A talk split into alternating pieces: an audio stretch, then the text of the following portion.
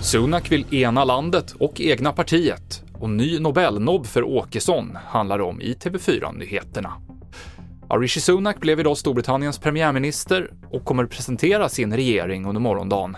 I sitt första tal utanför 10 Downing Street lovade han att ena landet, men även det konservativa partiet är splittrat och Sunak var själv en högst bidragande orsak till att Boris Johnson tvingades avgå. Men samtidigt försökte han ju här själv under talet att mjuka, eh, släta över det lite genom att också berömma sina föregångare och säga att det är en ny tid när, när framförallt Boris Johnson tillträdde och sådär. Så att eh, han försöker väl ändå att eh, få stopp på den här splittringen och ena partiet lite. Men det är ju väldigt, väldigt svårt med tanke på hur det ser ut och sett ut de sista ja, året.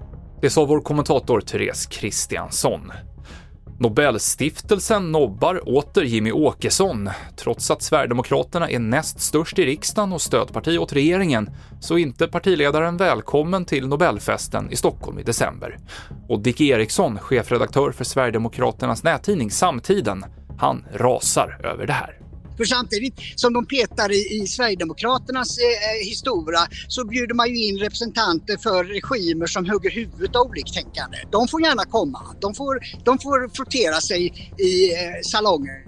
Men, men eh, svenska demokratiska politiker som svenska folket har valt, de utesluter man. Ja, det är ett oerhört förakt för, för eh, svenska folket man visar här. Det sa Dick Eriksson. I Göteborg så rullar trafiken trögt i Marieholmstunneln och orsaken är en tappad last med snus vid tunnelmynningen som gör att två av tre körfält är blockerade.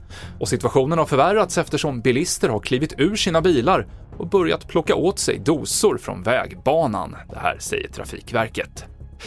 Och trots att både Finansinspektionen och Riksbanken har avrått från att stoppa eller pausa amorteringskravet så vill den nya finansministern, moderaten Elisabeth Svantesson, fortsatt driva på den här frågan.